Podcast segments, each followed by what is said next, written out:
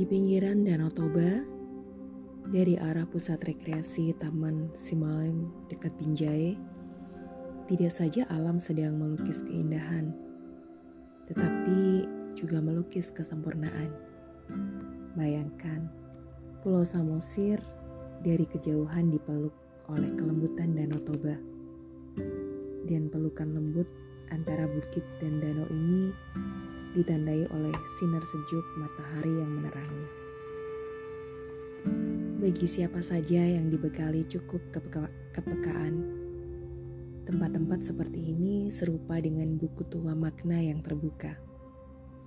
Ia amat rindu untuk dibaca. Danau dengan airnya adalah simbol kelembutan.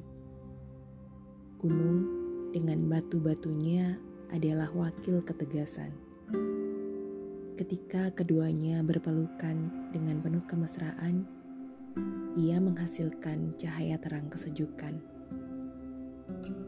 Ia seperti sedang mau berpesan pada manusia. Jadilah sekeras batu dalam mendidik diri sendiri, selembut air dalam melayani orang lain. Dan sebagai hasilnya, engkau pun jadi bercahaya penuh kesejukan.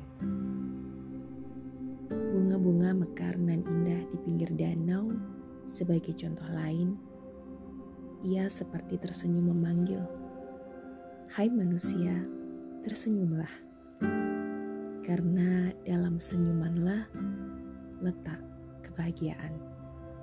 Dalam senyuman itulah tersembunyi persahabatan dengan kehidupan lebih mudah menemukan kedamaian persahabatan dibandingkan permusuhan. Ia yang mau mendengar lebih dalam lagi akan dapat pelajaran. Ada buah dalam sampah, ada sampah dalam buah.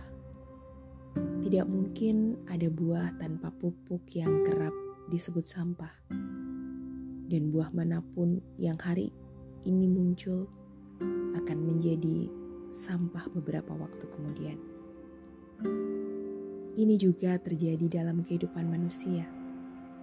Ada kemenangan dalam kekalahan, ada kekalahan dalam kemenangan. Ketika manusia kalah kemudian tidak bikin ulah, ia sebenarnya sedang memenangkan kemuliaan-kemuliaan dirinya.